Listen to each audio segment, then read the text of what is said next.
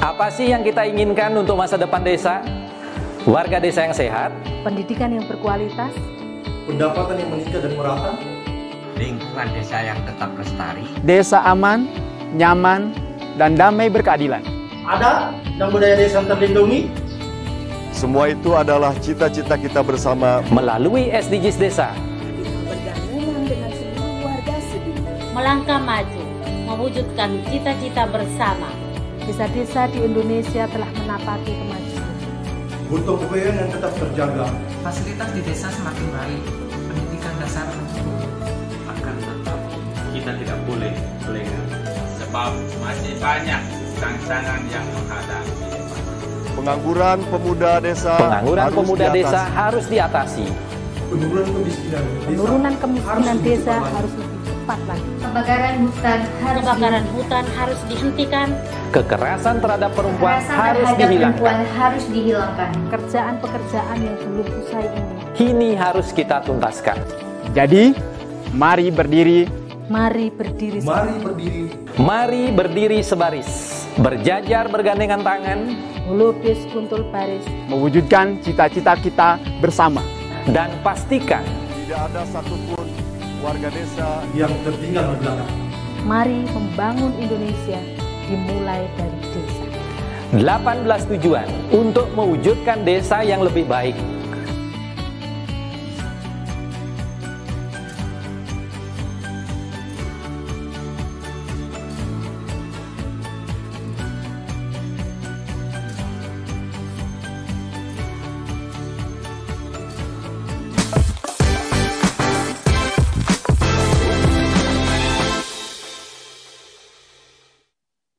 Mari berdiri sebaris, lupis kontrol baris, salam SDGs desa, salam bahagia kerabat desa Indonesia. Pagi ini kita akan mendiskusikan atau memperbincangkan tentang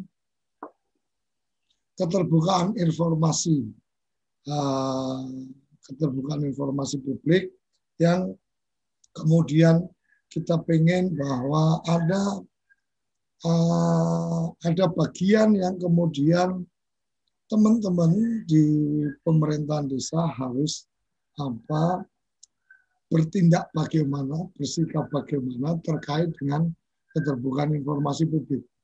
Dalam konteks keterbukaan informasi publik ini ada apa undang-undang yang mengatur itu dan kemudian ada juga Komisi Informasi uh, Publik Hari ini mestinya uh, kita masih menunggu Mas Amiruddin dari uh, Undip yang SDGs Undip yang sedianya akan menyampaikan apa-apa uh, informasi publik yang kemudian perlu disampaikan oleh desa karena memang di 2018 ini uh, dari Komisi Informasi Pusat jadi Nah, Komisi Informasi uh, Pusat ini, Komisi Informasi Publik di tingkat pusat itu menerbitkan peraturan Komisi Informasi yaitu uh, nomor 1 2018. Jadi uh, udah kalau sekarang 21 berarti udah tiga tahun yang lalu bahwa keterbukaan informasi publik diselenggarakan dalam mewujudkan informasi publik yang uh, mendasarkan kepada Undang-Undang Nomor 18 2008. Mungkin ini uh, apakah terkait dengan apakah ini terkait dengan apa SDGs desa dan seterusnya? Menurut menurut saya ini bagian yang kemudian uh, bagian kunci dari SDGs desa yaitu yang ke-8 tentang bagaimana kelembagaan desa yang dinamis dan apa budaya yang adaptif. Artinya bahwa dinamika eh, kelembagaan pemerintahan ini salah satunya itu kemudian bisa terbaca oleh publik menggunakan media-media publikasi. Jadi kita masih ingat waktu Menteri apa eh, Menteri Desa Pak Iko kalau tidak salah itu mengarahkan untuk setiap desa harus pasang banner yang besar tentang apa APBDes-nya, tentang kegiatan-kegiatannya dan seterusnya. Dulu saya masih remaja itu keterbukaan informasi publiknya itu dengan papan yang besar di Bali Desa itu ada monografi desa, ada struktur apa pemerintahan desa dan seterusnya. Nah itu bagian yang sebenarnya sudah dari dulu berjalan, cuma hari ini dengan digitalisasi setidaknya SDGs desa dengan uh, salah satu perangkatnya yaitu sistem informasi pembangunan desa yang dikembangkan oleh Kementerian Desa ini uh, sebenarnya sudah cukup menjadi apa cukup menjadi sarana bahwa pemerintah desa ini melakukan keterbukaan informasi kepada publik. Karena Mas Amirullah belum bergabung, maka saya akan sapa dulu teman-teman yang sudah bergabung di kesempatan kali ini. Ada Prof. Yayan. Selamat pagi, Prof. Yayan. Selamat pagi. Assalamualaikum. Waalaikumsalam. Ada Bu Agnes. Ini saya ini apa merasa ada satu kehormatan Bu Agnes sama Prof Yayan ini selalu memantau jadi kayaknya saya kalau mungkin ada afirmasi di luar perangkat desa mungkin saya bisa juga ikut afirmasi untuk S2 ini. Selamat pagi Bu Agnes. Selamat pagi. saya nggak mantau, saya belajar. Jadi luar biasa. Jadi kita. Selamat pagi, Mas Kaca. Eh, Mas Amir uh, sudah bergabung, Mas Amiruddin uh, sudah bergabung. Okay. Uh, videonya, Mas? Oke, okay, terima kasih sudah bergabung. Jadi saya sudah mencoba menyampaikan ada posisi kamera boleh di ini.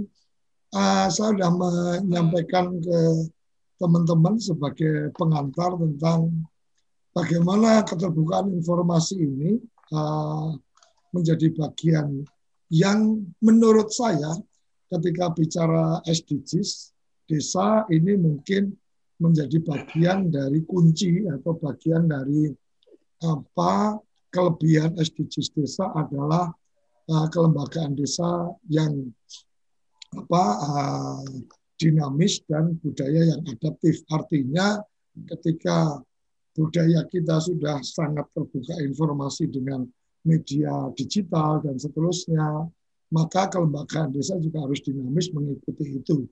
Oleh karenanya kalau di uh, Menteri Eko dulu itu mengarahkan untuk di kantor desa harus ada banner besar dengan bagaimana pemanfaatan dana desa, bagaimana rencana pembangunan desa, kemudian teman-teman di komunitas digital, uh, saya ingat betul beberapa komunitas, salah satunya di Demit kalau nggak salah, desa desa digital, desa desa melek digital apa apa itu itu juga kemudian mendorong setiap desa punya apa website tersendiri. Bahkan saya termasuk bagian yang waktu itu mendorong untuk desa punya domain tersendiri. Karena dulu sebelum ada undang-undang desa, desa itu uh, bolehnya hanya menggunakan uh, domain.org. Jadi uh, tingkat desa itu sama dengan apa apa guyuban pengajian, majelis pikir dan seterusnya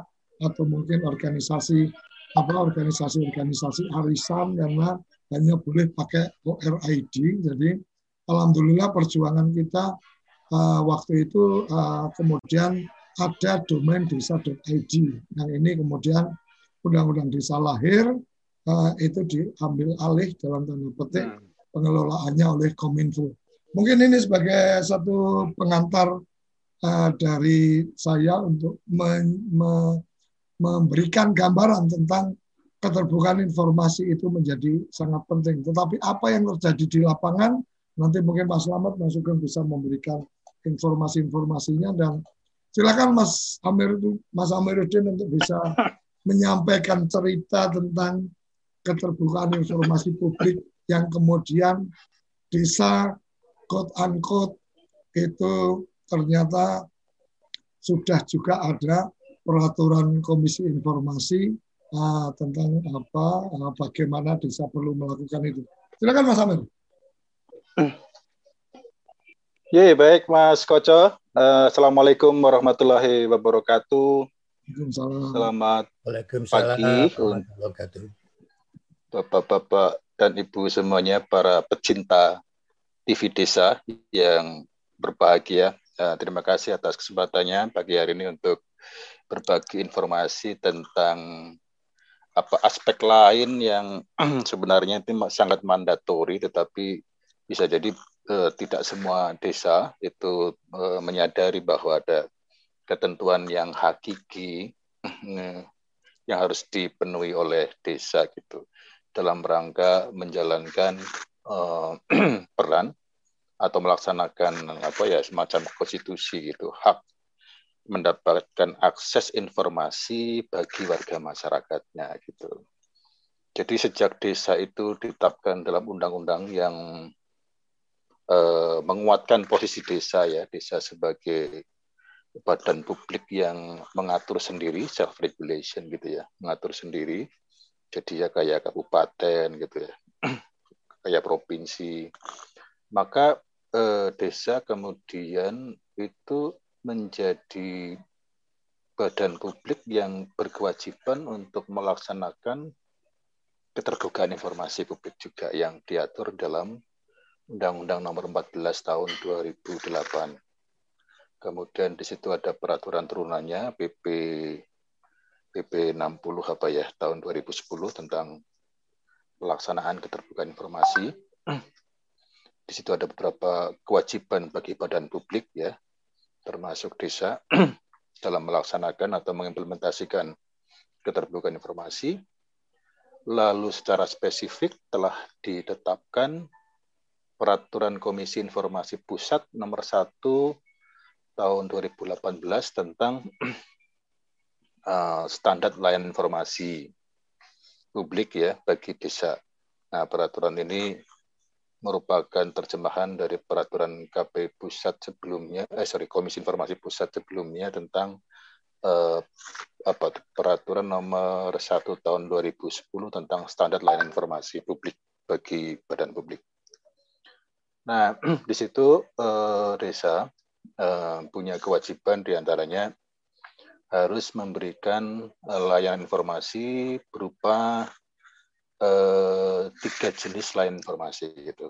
Yang pertama adalah informasi yang proaktif gitu ya, informasi yang eh, apa namanya, informasi yang yang ada atau tidak ada permintaan itu wajib bagi desa itu untuk memberikan untuk mempublikasikan informasi itu melalui sarana misalnya website dan papan pengumuman itu. Nah, ada sejumlah contoh informasi yang termasuk dalam kategori ini adalah misalnya profil gitu ya, yang termasuk kategori yang pertama ini. Jadi profil desa, lalu kemudian program kerja desa itu yang program kerja baik yang datang dari desa itu sendiri ya atas anggaran yang didapatkan ataupun program-program lain dari badan publik lain yang eh, di apa namanya dilaksanakan di desa itu gitu ya. Lalu juga misalnya ada eh, dokumen rencana pembangunan jangka menengah desa, jadi renseranya desa ya, kemudian rencana kerja pemerintah desa, RKP-nya desa, kemudian daftar usulan rencana kerja pemerintah desa. Lalu juga peraturan-peraturan desa yang telah ditetapkan ya tentang anggaran pendapatan dan belanja desa. Nah, nanti ini saya kira sejumlah list daftar informasi yang termasuk dalam kategori informasi yang wajib disediakan tapi diumumkan ya secara berkala enam bulanan ya itu uh, ada dalam peraturan itu. Nah selain itu adalah informasi yang serta merta harus diumumkan gitu ya.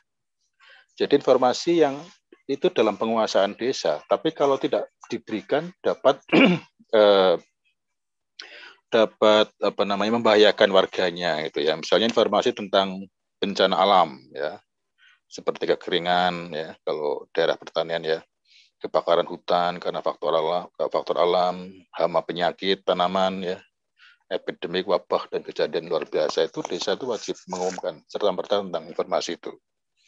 Kemudian informasi tentang keadaan bencana non alam seperti eh, pencemaran lingkungan, ya, eh, bencana sosial seperti kerusuhan sosial, konflik sosial, antar kelompok, antar komunitas masyarakat, eh, dan teror gitu ya.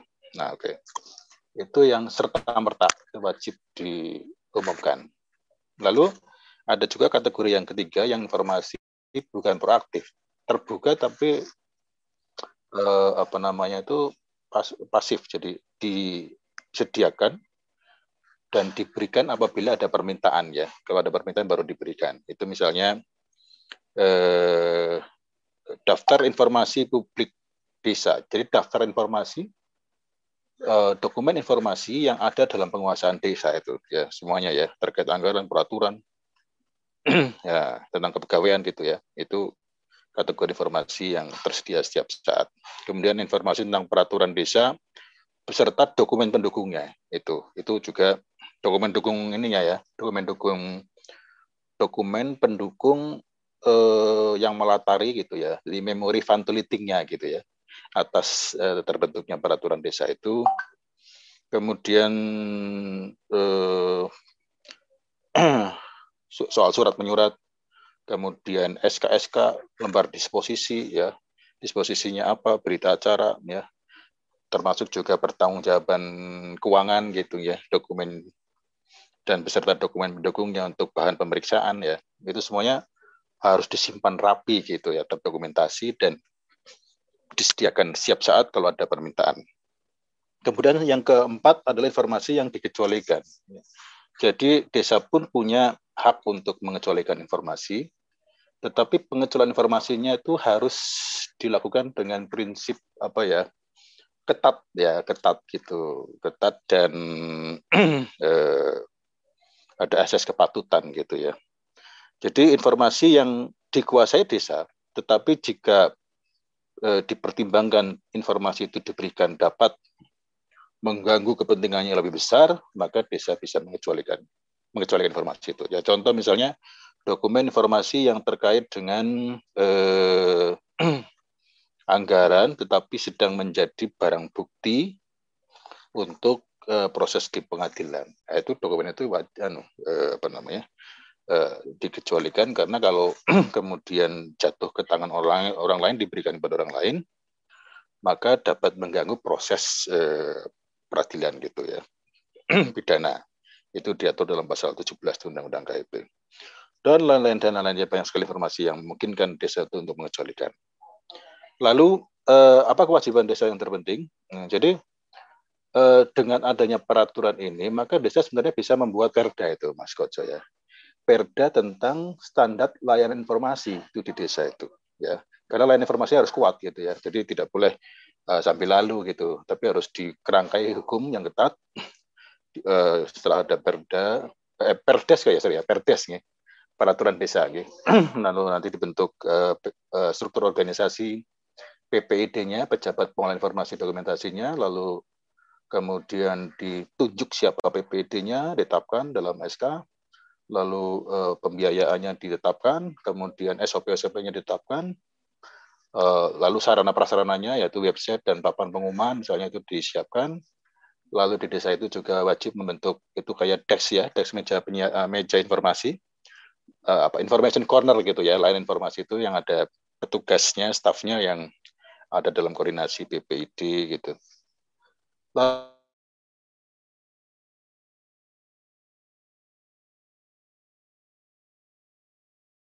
Lalu sebelum uh, panjang lebar tadi saya lupa apa yang maksud informasi publik sebenarnya itu ya. Nah informasi publik ini adalah informasi jadi informasi publik yang dihasilkan atau yang diperoleh ya dari badan publik lain, informasi yang dikelola, dihasilkan, diterima dari badan publik lain ya, ya yang berkenaan dengan kepentingan publik gitu ya yang ada dalam eh, penguasaan badan publik itu gitu.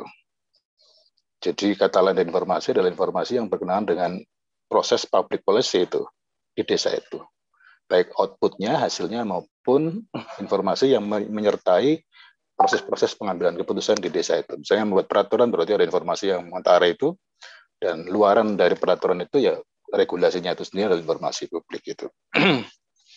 nah, saya kira itu sebagai pengantar Pak Koco. Yeah. Oke, terima kasih Mas Amir. Uh, ada beberapa informasi yang memang harus langsung update, ada beberapa hmm. informasi yang harus otomatis dipublikasikan, ada informasi yang disampaikan ketika ada permintaan dan juga ada informasi yang dikecualikan untuk tidak disampaikan dengan alasan-alasan tertentu yang itu uh, diputuskan bersama dengan Badan Permusyawaratan Desa ini menarik sekali. Kemudian ada uh, pejabat apa uh, pengelola pengelola informasi desa. Kalau me, kalau merujuk kepada apa yang sudah ada, saya menangkapnya bahwa bicara tentang keterbukaan informasi publik ini pada saat desa melakukan updating uh, secara berkala di uh, aplikasi dari Kementerian Dalam Negeri Prodeskel hmm. ini artinya sebenarnya bagian-bagian itu sudah gugur apa artinya uh, kewajiban itu sudah terlaksana karena memang di apa di uh, profil desa kelurahan beberapa yang tadi disampaikan sudah ada di sana. Kemudian uh, ketika ada uh, SDGs desa yang saya tangkap ada sistem informasi pembangunan desa yang aplikasinya semoga bulan ini atau Maret bisa di launching maka sebenarnya bagian-bagian dari uh, tugas keterbukaan informasi publik di desa ini kayaknya akan menjadi menjadi lebih transparan daripada supra desa ya Mas Amir ya? Karena uh, tuntutan atau dalam tanda petik apa uh, formulir, yeah, formulir yang uh, kita coba tangkap dari obrolan kita sebelumnya ini kan lumayan detail itu, lumayan rigid informasi-informasinya dan kemudian seperti yang kita sempat lihat di apa dashboardnya uh, Kementerian Desa seperti kemarin ketika hmm. Gus Ivan kita menyampaikan desa Genilangit umpamanya itu Gus Ivan udah langsung hmm. membuka dari database-nya Kementerian Desa udah ketahuan tuh oh Genilangit itu desa tua karena dia sudah ada dari 1780 kemudian luasnya kemudian apa uh, tipologi masyarakatnya dan seterusnya mungkin yang uh, yang kemudian menarik adalah banyak ini teman-teman teman-teman saya juga berbasis dengan undang-undang keterbukaan informasi publik, kemudian membuat NGO, kemudian apa membuat lembaga-lembaga yang kemudian menuntut transparansi dan seterusnya yang kadang-kadang kemudian teman-teman di desa ini jadi ada apa ada kekhawatiran atau ada apa ya. merasa ada quote unquote semacam apa tekanan atau apa Walaupun hmm. berapa case kebetulan uh, sebelum ada undang-undang desa, undang-undang undang-undang keterbukaan informasi publik kan sudah ada. Uh, dulu kita ada saya apa 2010 itu punya uh, eh, NGO relawan pemberdayaan desa Nusantara salah satunya yang mendampingi hmm. teman-teman yang kemudian konsultasi ini kita didatangi wartawan, didatangi LSM dan seterusnya. Trik-trik yang harus disampaikan seperti apa Nah, kita memberikan, oh ini loh tugas kamu seperti ini, jadi sampaikan dan seterusnya. Uh, kita coba ingin mendengar ini pejabat pengelola informasi desa, karena di sini ada dua oh. sekdes ini, ada ada Mas Sugeng, hmm. ada Mas Slamet. Mungkin punya pengalaman-pengalaman baik setelah ada undang-undang desa atau sebelum ada undang-undang desa, tapi sudah ada undang-undang keterbukaan informasi publik dan seterusnya yang mungkin dirasakan di lapangan dan uh, konklusinya harus seperti apa ini, bersikapnya harus seperti apa. Nanti mungkin Mas Samir bisa memberikan saran masukan. Ya. Mas Selamat atau Mas Sugeng silakan.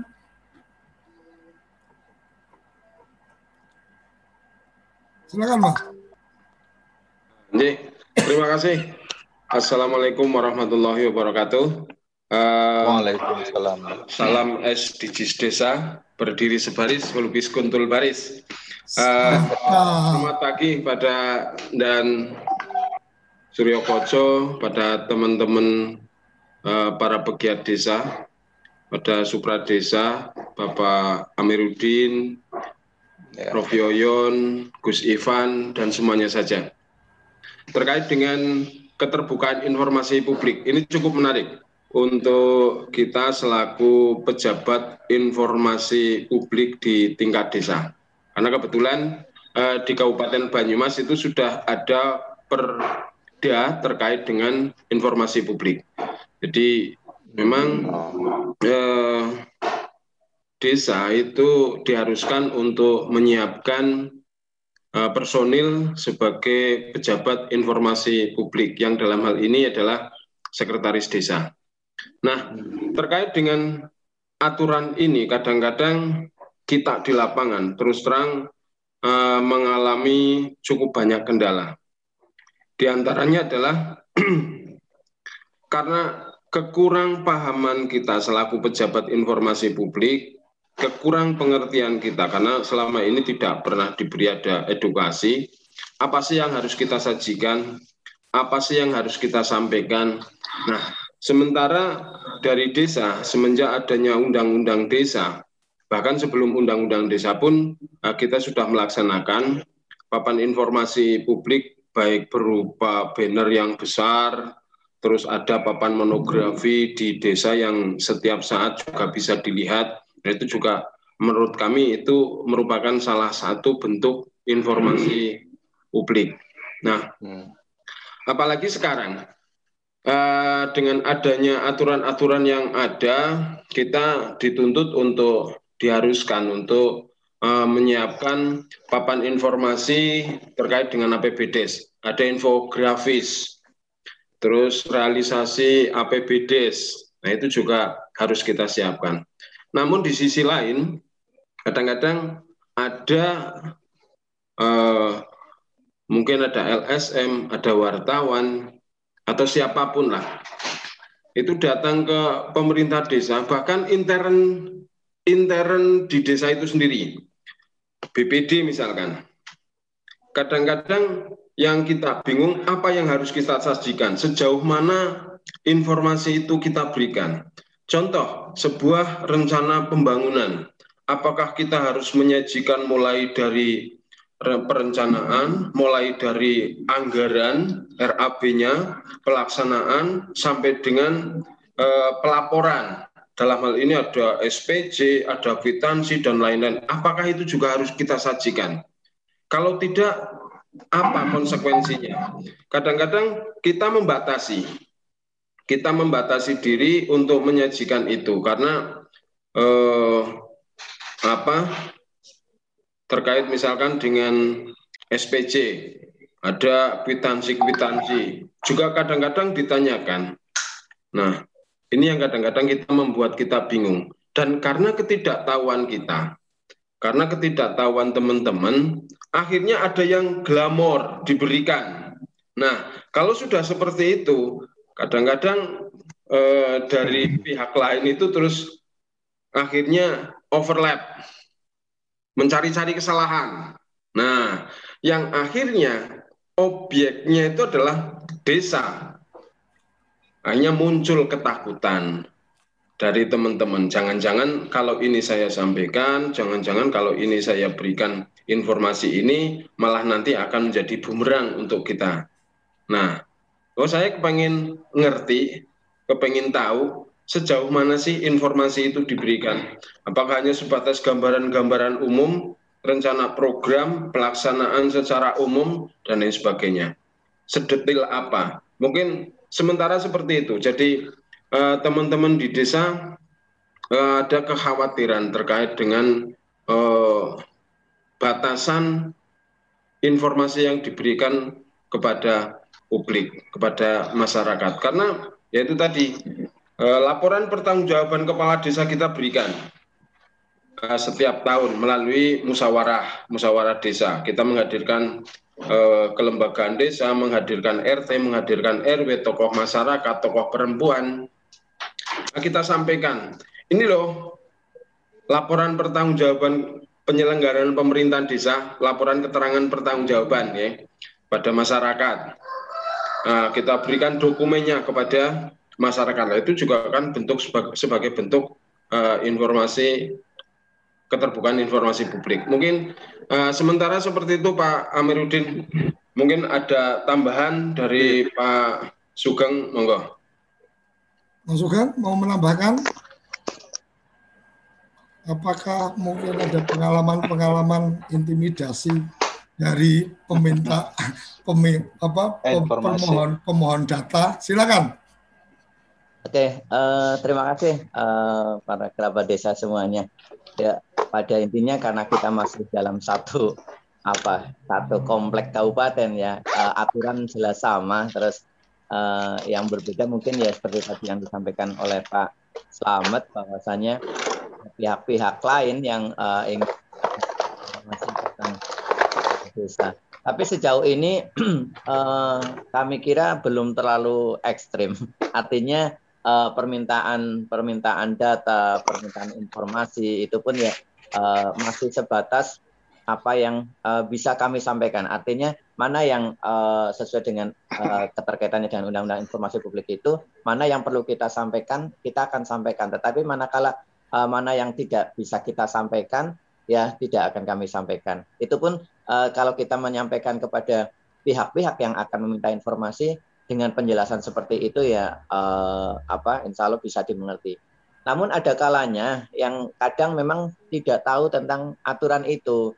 Uh, dikiranya desa menutup-nutupi informasi, dikiranya desa uh, tidak open terhadap informasi publik kayak gitulah. Ini yang perlu uh, perlu sekali dari pihak-pihak tertentu terutama itu uh, untuk bisa lah untuk bisa kita kasih uh, edukasi kita kasih uh, pengertian tentang batasan-batasan tentang informasi publik yang harus kita sampaikan. Mungkin seperti itu dan Gojo dan semuanya. Terima kasih. Oke terima kasih Mas Sugeng.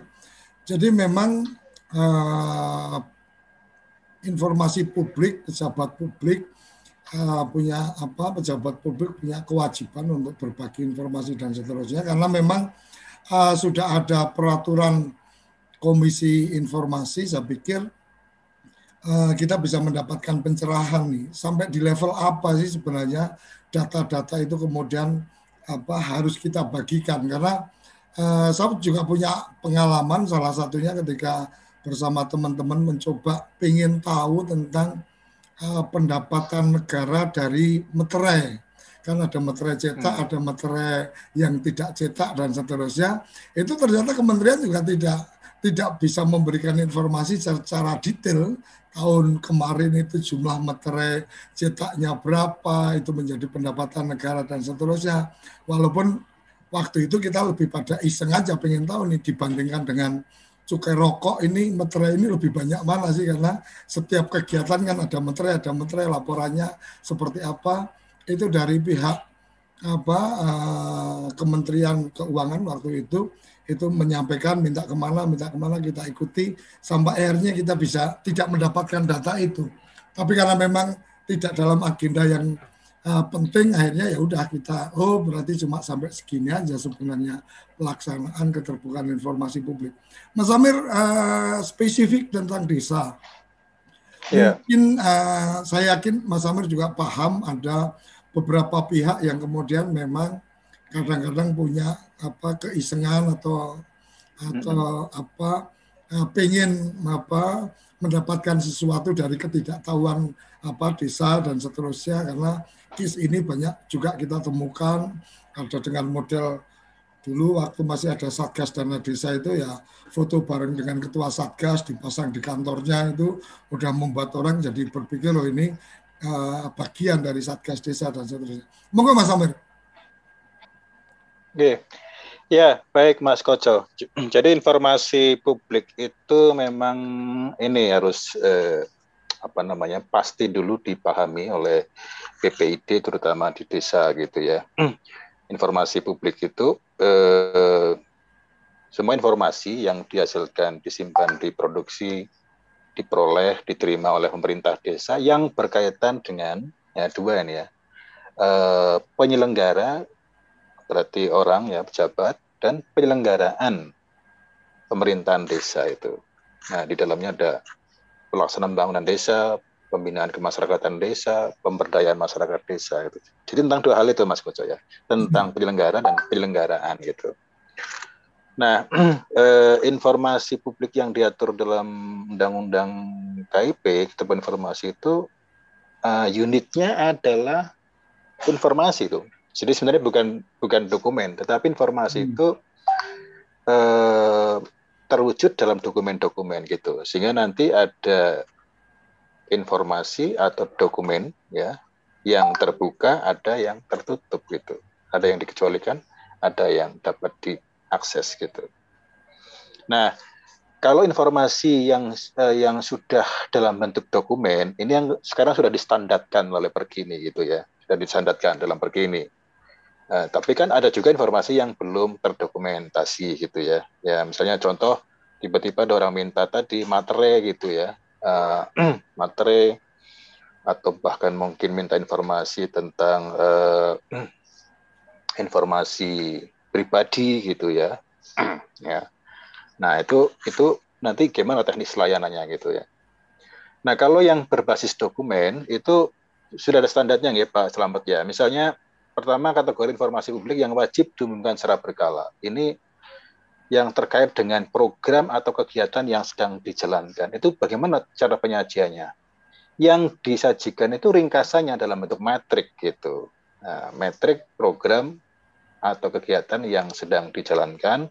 Isinya apa? Ya nama program, ya nama kegiatan, jadwal waktu pelaksanaan, penanggung jawab, sumbernya siapa, besaran anggarannya berapa gitu. Itu nanti dipajang di website kalau ada website ya di papan pengumuman yang besar-besar itu. Nah, kemudian eh, yang terkait dengan laporan soal keuangan ya, keuangan pemerintahan desa. Itu yang wajib diumumkan yang seperti apa? Ya laporan keuangan pemerintahan desa sesuai dengan standar ya yang diatur dalam ketentuan eh, yang terkait dengan keuangan. Apa saja?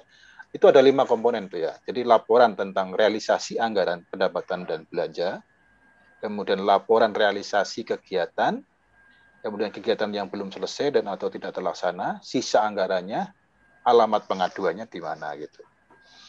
Nah, laporan keuangan yang dipublish itu lapor, laporan keuangan yang sudah memang dalam bentuk uh, informasi publik yang sudah jadi atau yang sudah terkuasai ya. Yang sudah terkuasai berarti yang sudah audited gitu audited. Yang sudah dinyatakan uh, di, apa namanya uh, statusnya gitu. Nah itu baru itu menjadi informasi publik maka wajib dipublikasi uh, gitu melalui website atau papan pengumuman juga nggak apa-apa. Toh ini anu ringkasannya gitu ya yang isinya adalah tadi. Terus hmm, eh, kalau yang terkait dengan dokumen-dokumen pendukung tentang laporan keuangan ya, misalnya eh, pertanggungjawabannya itu bukan harus dipublish di dalam website ya, itu namanya, namanya melaksanakan keterbukaan informasi melebihi standar ya kalau ada badan publik mau mengumumkan uh, eh, SPJ-nya itu di website yaitu uh, kelebihan ya kelebihan surplus itu surplus keterbukaan informasi itu cukup disimpan sebagai informasi yang tersedia setiap saat ya kalau ada permintaan. Nah, kemudian soal dokumen uh, rencana pembangunan jangka menengah registranya ya RKP-nya itu dokumennya ya uh, itu uh, dipublish gitu. Kalau itu kan memang sudah dihasilkan dalam proses apa namanya di pemerintahan desa ya sudah dibahas dalam badan musyawarah ya desa misalnya gitu. Jadi itu informasi publik. Kemudian soal laporan kinerja pemerintahan desa. Ya, yang diumumkan itu ya laporan kerja pemerintahan desa. Dalam konteks laporan penyelenggaraan pemerintahan desa akhir tahun anggaran dan laporan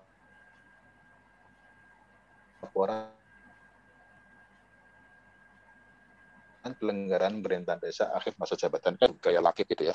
Apalagi kerja dan seterusnya gitu.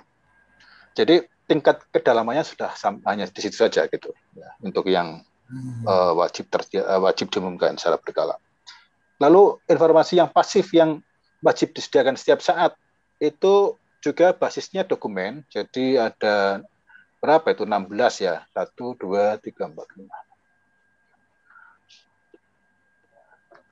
Ya, 15 dokumen. Jadi desa wajib menyediakan itu dokumen-dokumen informasi yang perlu disiapkan, didokumentasi dengan baik oleh PPD ya misalnya daftar informasi publiknya, lalu informasi tentang peraturan desa, eh, peraturan bersama kepala desa, peraturan kepala desa, keputusan badan permusyawaratan desa, kemudian profil lengkap kepala desa dan perangkat desa. Profil lengkap kepala desa dan perangkat desa mengapa tidak perlu diumumkan secara berkala karena dalam profil lengkap kepala desa dan perangkat desa memang ada informasi-informasi pribadi atau informasi-informasi yang sensitif ya. Jadi cukup ditempatkan sebagai informasi publik yang tersedia setiap saat. Oke, lalu apakah Undang-Undang Keterbukaan Informasi Publik ini tidak melindungi ya badan publik seolah-olah menjadi tidak berdaya? Tidak ya. Jadi undang-undang ini secara proporsional itu eh, mengatur mengenai keterbukaan informasi berbasis pada tata kelola layanan informasi gitu ya agar apa itu memajukan gitu ya, memajukan masyarakat terpenuhi hak-haknya ya. Kemudian yang kedua eh, tata kelola informasi di badan publik itu menjadi makin bagus gitu ya, sehingga akan menjadi generator gitu untuk eh, apa namanya proses-proses memajukan desa itu. Apalagi terkait dengan SDGs ini kan masuk ke goal 16 tentang kelembagaan yang tangguh ya, kelembagaan yang tangguh yang akuntabel gitu. Lalu eh, apa namanya? Jadi terkait dengan ada permohonan informasi eh, apa namanya? permohonan informasi yang informasi yang diminta itu di luar standar tadi nih. Ini nanti banyak itu di dalam itu ya. Eh, banyak ya. Uh, uh, yang tidak masuk ke dalam kategori dokumen-dokumen yang ada di sini. Itu wajib dilayani dalam pasal 22 Undang-Undang KIP itu badan publik tetap wajib eh, apa namanya melayani permohonan informasi ya karena unitnya itu bukan hanya dokumen tapi informasi gitu ya uh, itu atas dasar permintaan. Tapi uh, permin, uh, atas permohonan informasi ini badan publik sebenarnya bisa melakukan uh, penolakan gitu ya. Jadi penolakan itu dapat dilakukan karena dua. Jadi badan pasal 6 ya undang-undang KIP badan publik berhak menolak memberikan informasi yang pertama yang dikecualikan sesuai dengan ketentuan peraturan perundang-undangan ya. Jadi alasan substansi bahwa informasi itu dikecualikan setelah dilakukan uji konsekuensi bahayanya. Kemudian yang kedua, badan publik bisa juga menolak berhak menolak memberikan informasi publik apabila permintaannya itu gitu ya tidak sesuai dengan ketentuan peraturan perundang-undangan gitu. Jadi alasan prosedur ya. Jadi eh, apa tujuan. Ala, karena dalam syarat layanan kan sudah diatur. Siapa saja yang bisa meminta informasi itu dengan syarat-syarat apa gitu. Bisa persorangan bisa kelompok. Kalau persorangan harus memenuhi apa itu namanya eh, standarnya gitu harus menunjukkan identitasnya gitu ya. Kalau kelompok harus menunjukkan eh, legalitasnya gitu. Nah kalau itu persyaratan tidak terpenuhi ya barangkali bisa menolak. Kemudian yang kedua eh, terhadap informasi yang belum masuk ke dalam kategori tadi, standar-standar tadi itu, maka yang harus dilakukan pertama adalah badan publik itu PPD ya itu melakukan uji konsekuensi dulu terhadap informasi itu gitu. Ini informasi statusnya seperti apa? Ini dikecualikan apa terbuka bagaimana gitu ya. Kalau misalnya putusannya adalah dikecualikan, ya berarti eh, apa namanya badan publik bisa melakukan apa memberikan jawaban ya 10 hari sejak permintaan itu untuk memberitahukan bahwa informasi ini dalam kategori informasi yang dikecualikan berdasarkan misalnya pasal 17 uh, huruf C atau huruf apa huruf A ini terkait dengan soal uh, apa namanya akta otentik yang diminta misalnya itu kan dikecualikan ya. Nah itu.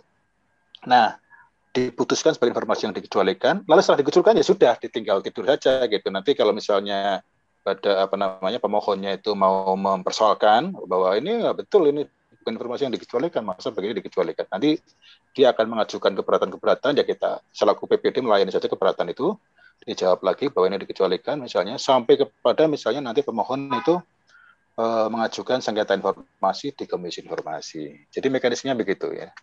Yang yang terpenting PPD tetap e, konsisten dalam melaksanakan standar lain informasi itu dan sebagian standar lain informasi itu juga ditetapkan dalam peraturan desa gitu ya peraturan desa agar lebih kontekstual gitu. Nah maka pedomannya itu dalam memberikan lain informasi ya.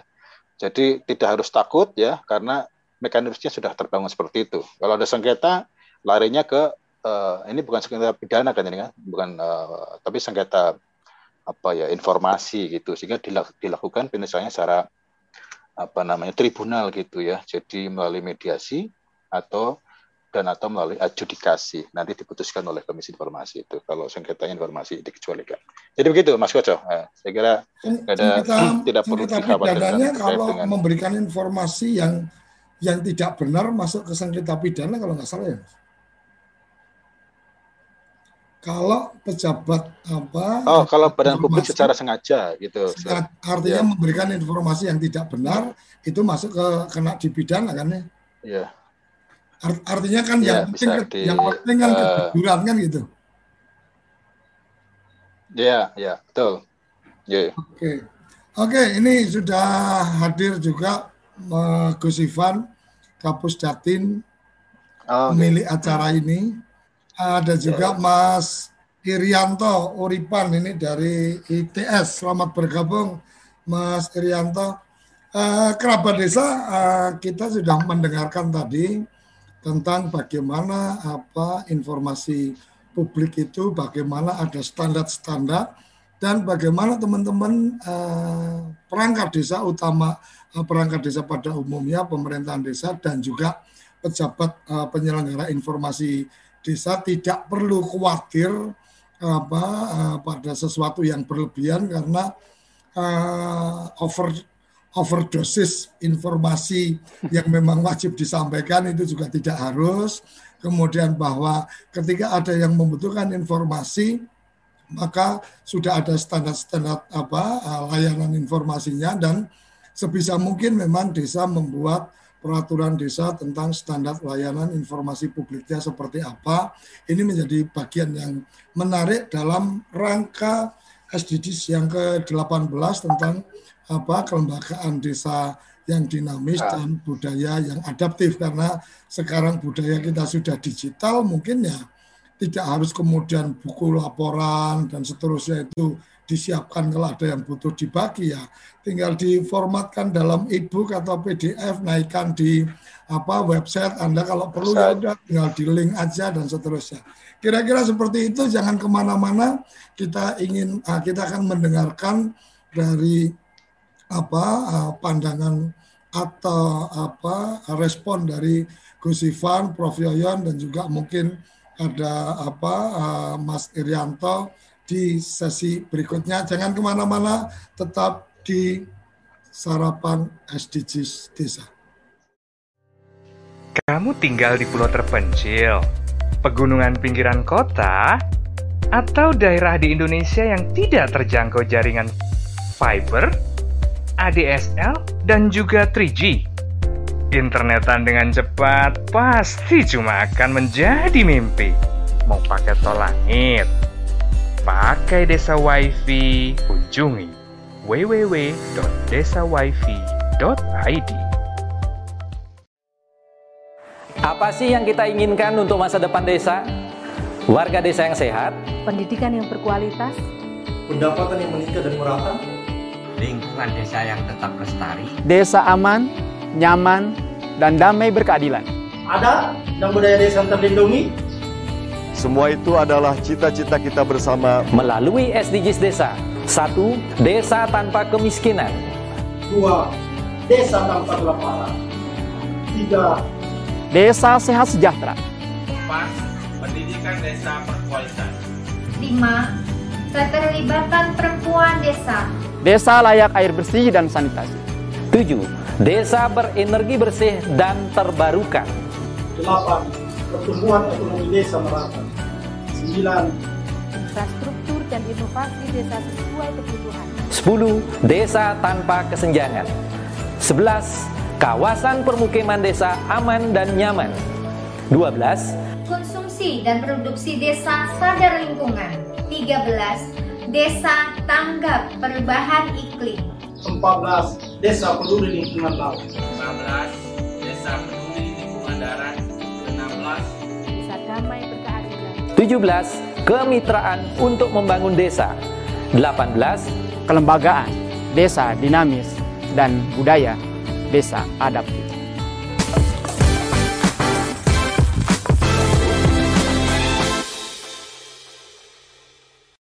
Desa Vision. Desa Vision memberikan pilihan tayangan edukasi dan inspirasi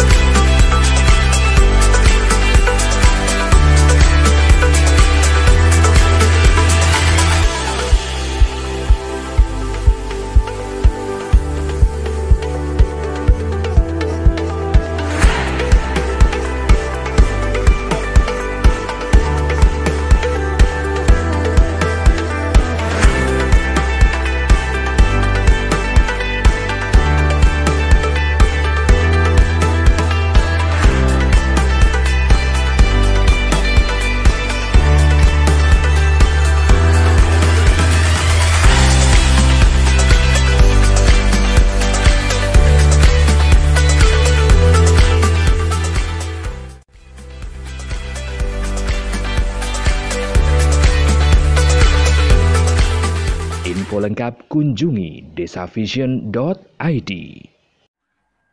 Kembali ke sarapan SDGs. Eh, ini ada tamu baru kita, Mas Irianto.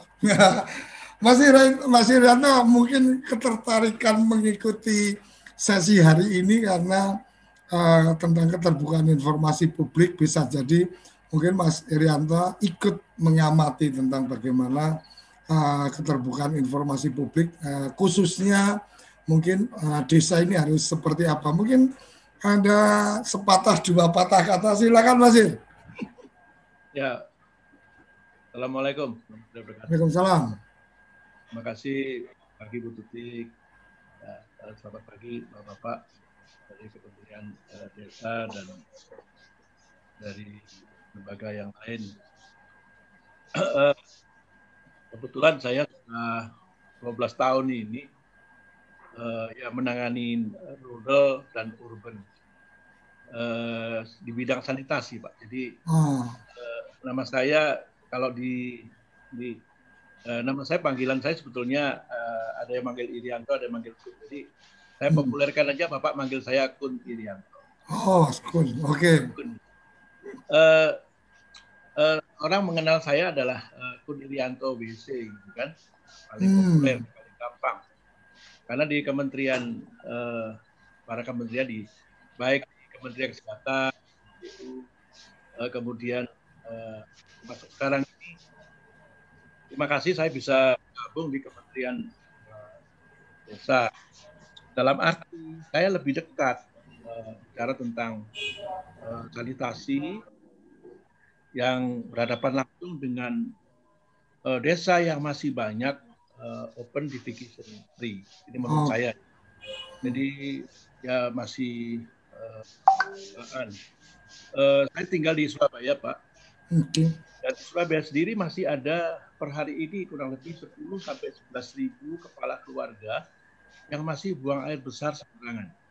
Hmm, okay. Nah ini uh, kebetulan uh, saya lagi ngambil S3 di Universitas Erlangga dan saya sudah ujian tertutup. Ini tinggal ujian terbuka dan judul saya tentang bicara tentang perilaku hidup bersih dan sehat dari sanitasi. Nah, kenapa mereka itu berperilaku sedemikian? Padahal SDGs juga menyaran, memberikan mengharap memiliki tujuan yang sama yaitu ODF Indonesia tapi hmm. sudah kelewat dan sekarang masuk pada era SDGs.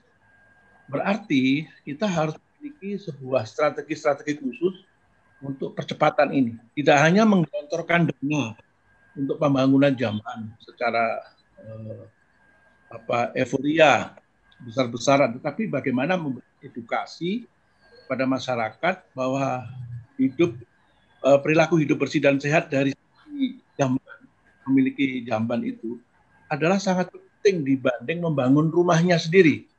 Oke. Nah, ini sering kali Mas Kun, Mas Kun mungkin uh, agenda agenda ini akan menarik mungkin kalau berkenan nanti di minggu depan kita agendakan bicara tentang sanitasi, WC dan seterusnya. Karena saya juga punya sahabat di Semarang itu Dokter Budi yang uh, membuat gerakan sejuta WC dan Oh, apa, WC for all dan seterusnya. Uh, agenda kita ini sekarang kita sedang mendiskusikan tentang keterbukaan informasi uh, di kesempatan kali ini mungkin saya bermohon kalau Mas Gun berkenan diatur minggu depan hari apa bisa sharing tentang apa sanitasi itu. Nanti dari Baik. apa uh, kita atur bareng dengan Bu Agnes ya. Mas Gun kira-kira ya, silakan. Oke, Ini kita lanjut jadi- ya? Mo. Ya, Uh, mungkin uh, mung- uh, mungkin apa uh, pendek apa uh, tes apa tambahan informasi silakan Mas terkait dengan uh, pro, apa agenda kita uh, pagi ini.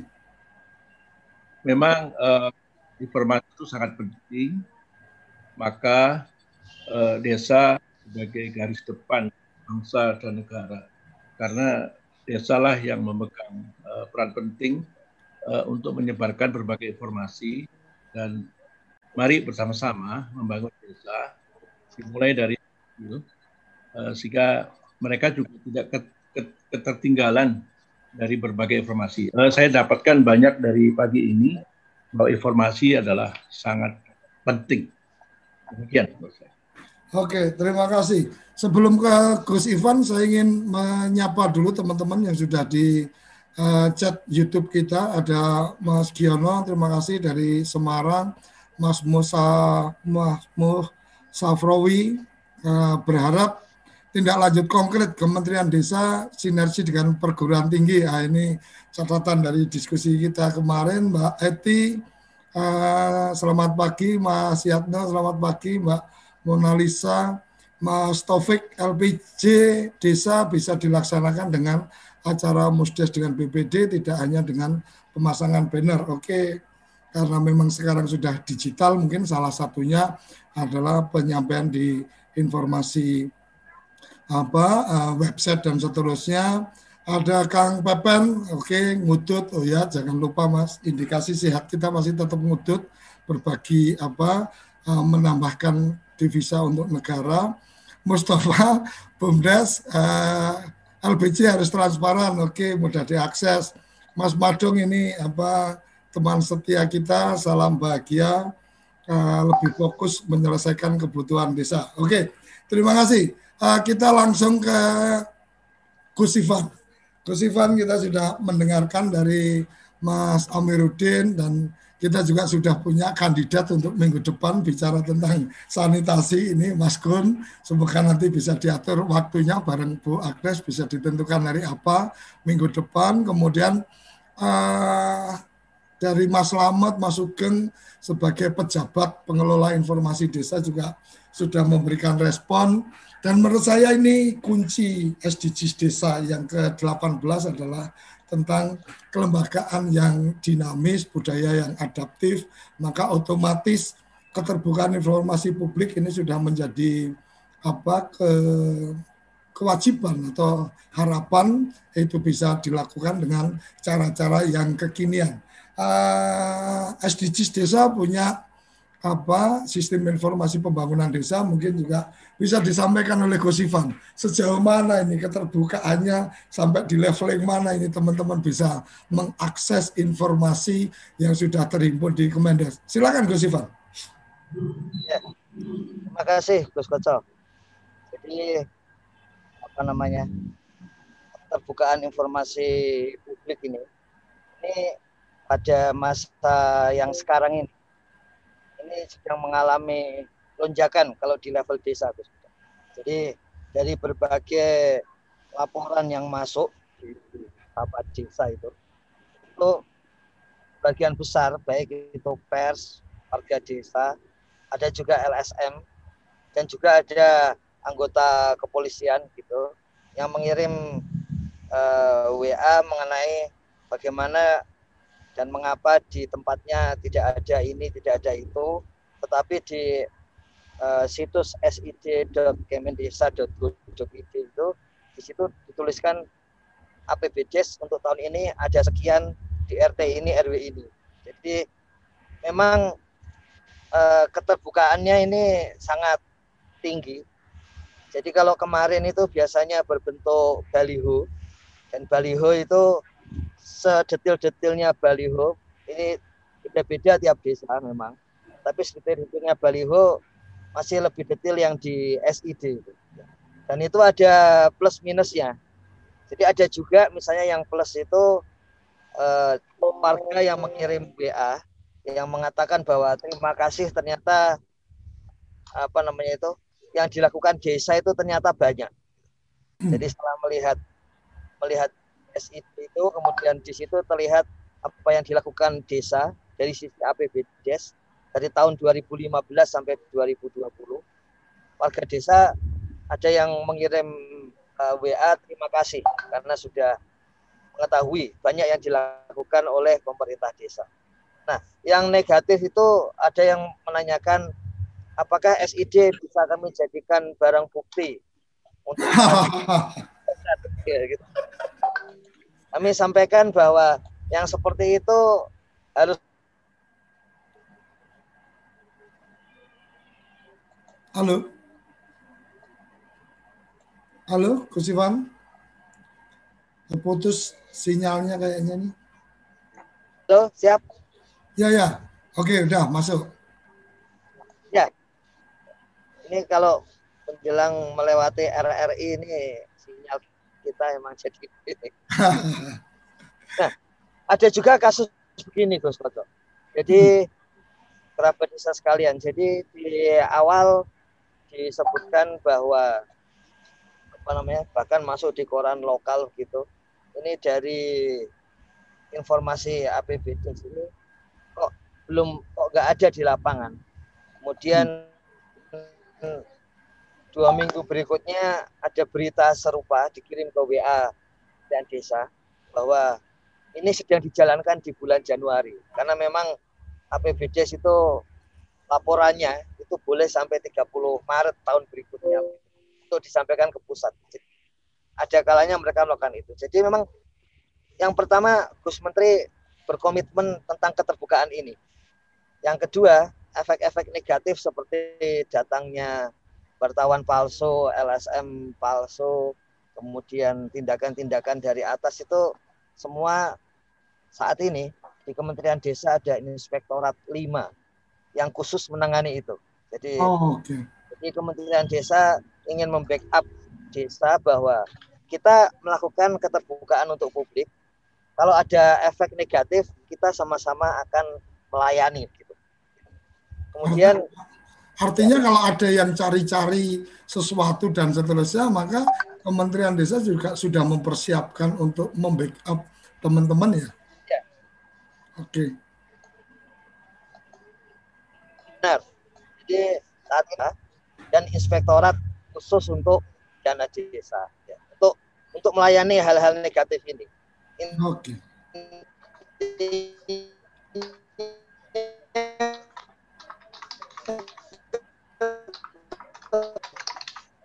Oke. Bukaan tetap harus dijalankan. Jadi mundur lagi tidak terbuka gitu.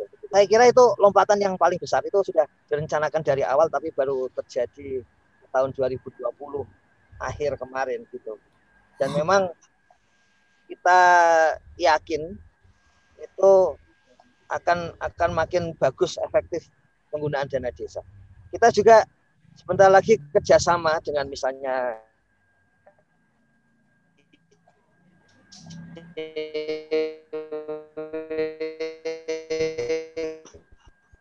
Halo. Kemudian Fitra dan seksi dari awal sehingga bisa segera di. Kemudian rancangan Permendes sedang disiapkan Gus.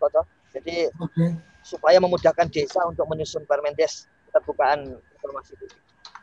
Okay. Ya, beri contoh Permendes dua tahun terakhir ini sudah masuk level tertinggi untuk KIP. Hmm. Sudah, sudah versi yang tertinggi di KIP, jadi beri contoh lagi. Itu Gus.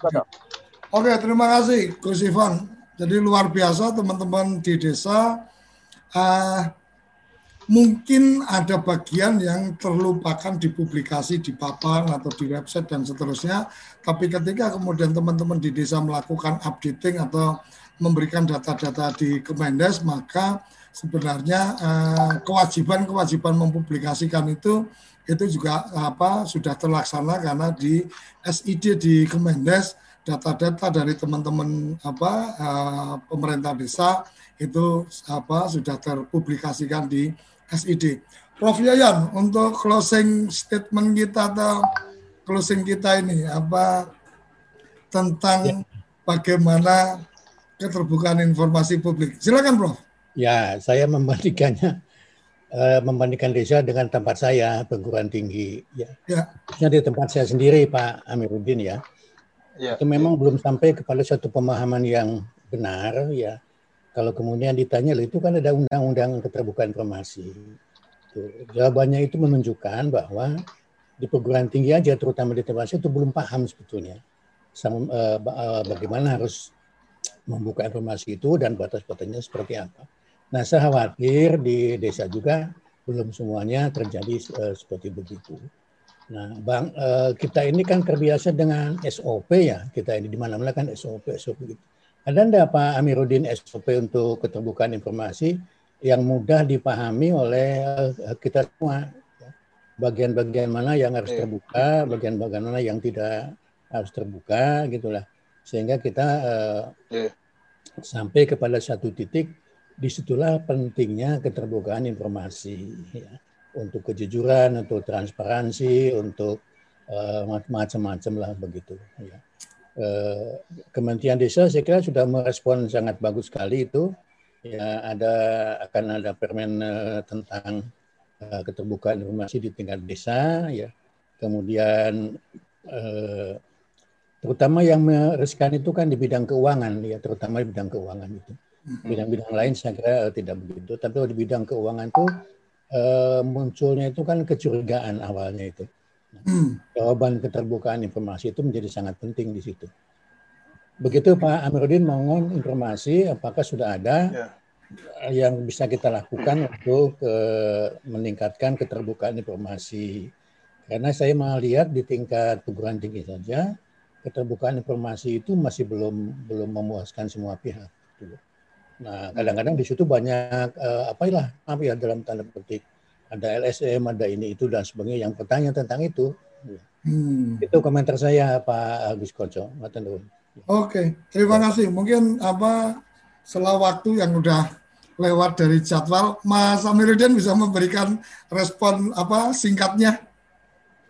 Oke, okay, yang, okay, yang baik. Yeah. Ya, baik. Terima kasih uh, Mas Koco, Prof. Yoyo, dan Gus Ivan. Jadi saya kira langkah uh, apa, langkah ke depan yang memang harus dilakukan adalah uh, menyusun apa itu peraturan desa itu tentang uh, standar layanan informasi itu sebagai bagian dari SOP-nya gitu ya standar operating prosedur layanan informasi di desa itu nanti diatur dengan mendasarkan kepada yang pertama adalah ya saya kira undang-undang undang-undang desa itu juga diatur itu nomor 6 tahun 2014 pasal 26 ayat 1 kepala desa itu berkewajiban memberikan informasi kepada masyarakat ya. Kemudian yuntonya ke undang-undang KIP dan peraturan Komisi Informasi eh, nomor 1 tahun 2018 yang itu sangat spesifik itu mengatur tentang uh, layanan informasi di desa dengan kategori-kategorinya sudah cukup jelas di sana.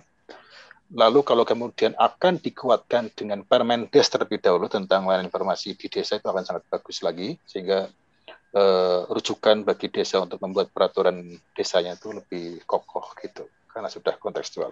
Nah jika itu semuanya sudah ada, saya kira nanti akan lebih uh, jelas ya untuk uh, kedudukan bagaimana posisi desa dalam melaksanakan keterbukaan informasinya itu. Oke. Okay. itu Pak Koco. Oke, luar biasa. Jadi yang terbayang di saya adalah ketika Permendes tentang keterbukaan informasi publik ini apa uh, nanti sudah ada, akan bisa juga kita membuat semacam apa training atau mungkin semacam agenda pelatihan untuk pejabat apa penanggung jawab informasi apa desa sehingga kemudian ada apa postesnya kemudian selesai mengikuti bagaimana pemahaman dia sehingga ketika ada e-sertifikat yang dikeluarkan itu menunjukkan bahwa pejabat itu memang sudah memahami standar minimal dari apa apa-apa yang menjadi tugas apa-apa tugas fungsi dan peran dia sebagai pejabat penanggung jawab informasi desa. Saya pikir ini sesuatu yang luar biasa. Setiap pagi, uh, setiap sarapan SDGs desa, kita punya apa temuan-temuan yang luar biasa dan kita punya PR-PR untuk apa Pusdatin, Gesivan. Jadi uh, terima kasih Gesivan sudah menyediakan diri untuk selalu menambah pekerjaan dari hasil obrolan-obrolan kita. Oke, sampai di sini uh, sarapan SDGs kita hari ini kita berharap Mas Kun apa berkenan minggu depan secara khusus tentang apa uh, sanitasi WC dan seterusnya uh, untuk kita bisa mendapatkan apa gambaran sebenarnya seperti apa uh, bagian dari sanitasi yang memang sangat penting untuk apa kesehatan sangat penting untuk banyak hal. Uh, kerabat desa sampai di sini mohon maaf kita waktu kita memang sangat terbatas untuk ini dan kita akan selalu ketemu tiap pukul 6 sampai pukul 7 pagi dalam sarapan SDGs desa. Untuk informasi dokumentasi acara-acara kita ada channel khusus yang sudah kita siapkan di channel YouTube yaitu SDGs Desa. Jangan lupa untuk subscribe supaya mendapatkan update informasi-informasi obrolan SDGs, uh, sarapan SDGs kita uh, tiap pagi Senin sampai Jumat. Terima kasih. Salam bahagia kerabat desa Indonesia. Salam SDGs desa. Salam sebaris holobris berdiri sebaris holobris kontrol baris. Terima kasih. Sampai jumpa esok hari. Apa sih yang kita inginkan untuk masa depan desa? Warga desa yang sehat, pendidikan yang berkualitas, pendapatan yang meningkat dan merata, lingkungan desa yang tetap lestari, desa aman, nyaman, dan damai berkeadilan. Ada dan budaya desa terlindungi. Semua itu adalah cita-cita kita bersama melalui SDGs Desa. Melangkah maju, mewujudkan cita-cita bersama Desa-desa di Indonesia telah menapaki kemajuan. Butuh kebayaan yang tetap terjaga. Fasilitas di desa semakin baik, pendidikan dasar mencukupi. Akan tetap kita tidak boleh lengah, sebab masih banyak tantangan yang menghadapi. Pengangguran pemuda desa Pengangguran harus pemuda diatasi. desa harus diatasi. Penurunan kemiskinan desa, Penurunan kemiskinan desa harus cepat lagi. Kebakaran hutan harus Kebakaran hutan harus dihentikan. Kekerasan terhadap perempuan Kekerasan harus terhadap dihilangkan. perempuan harus dihilangkan. Pekerjaan-pekerjaan yang belum usai ini. Kini harus kita tuntaskan. Jadi, mari berdiri. Mari berdiri. Mari berdiri. Mari berdiri sebaris. Berjajar bergandengan tangan. Melukis kuntul baris. Mewujudkan cita-cita kita bersama. Dan pastikan tidak ada satupun warga desa yang tertinggal di belakang. Mari membangun Indonesia dimulai dari desa. 18 tujuan untuk mewujudkan desa yang lebih baik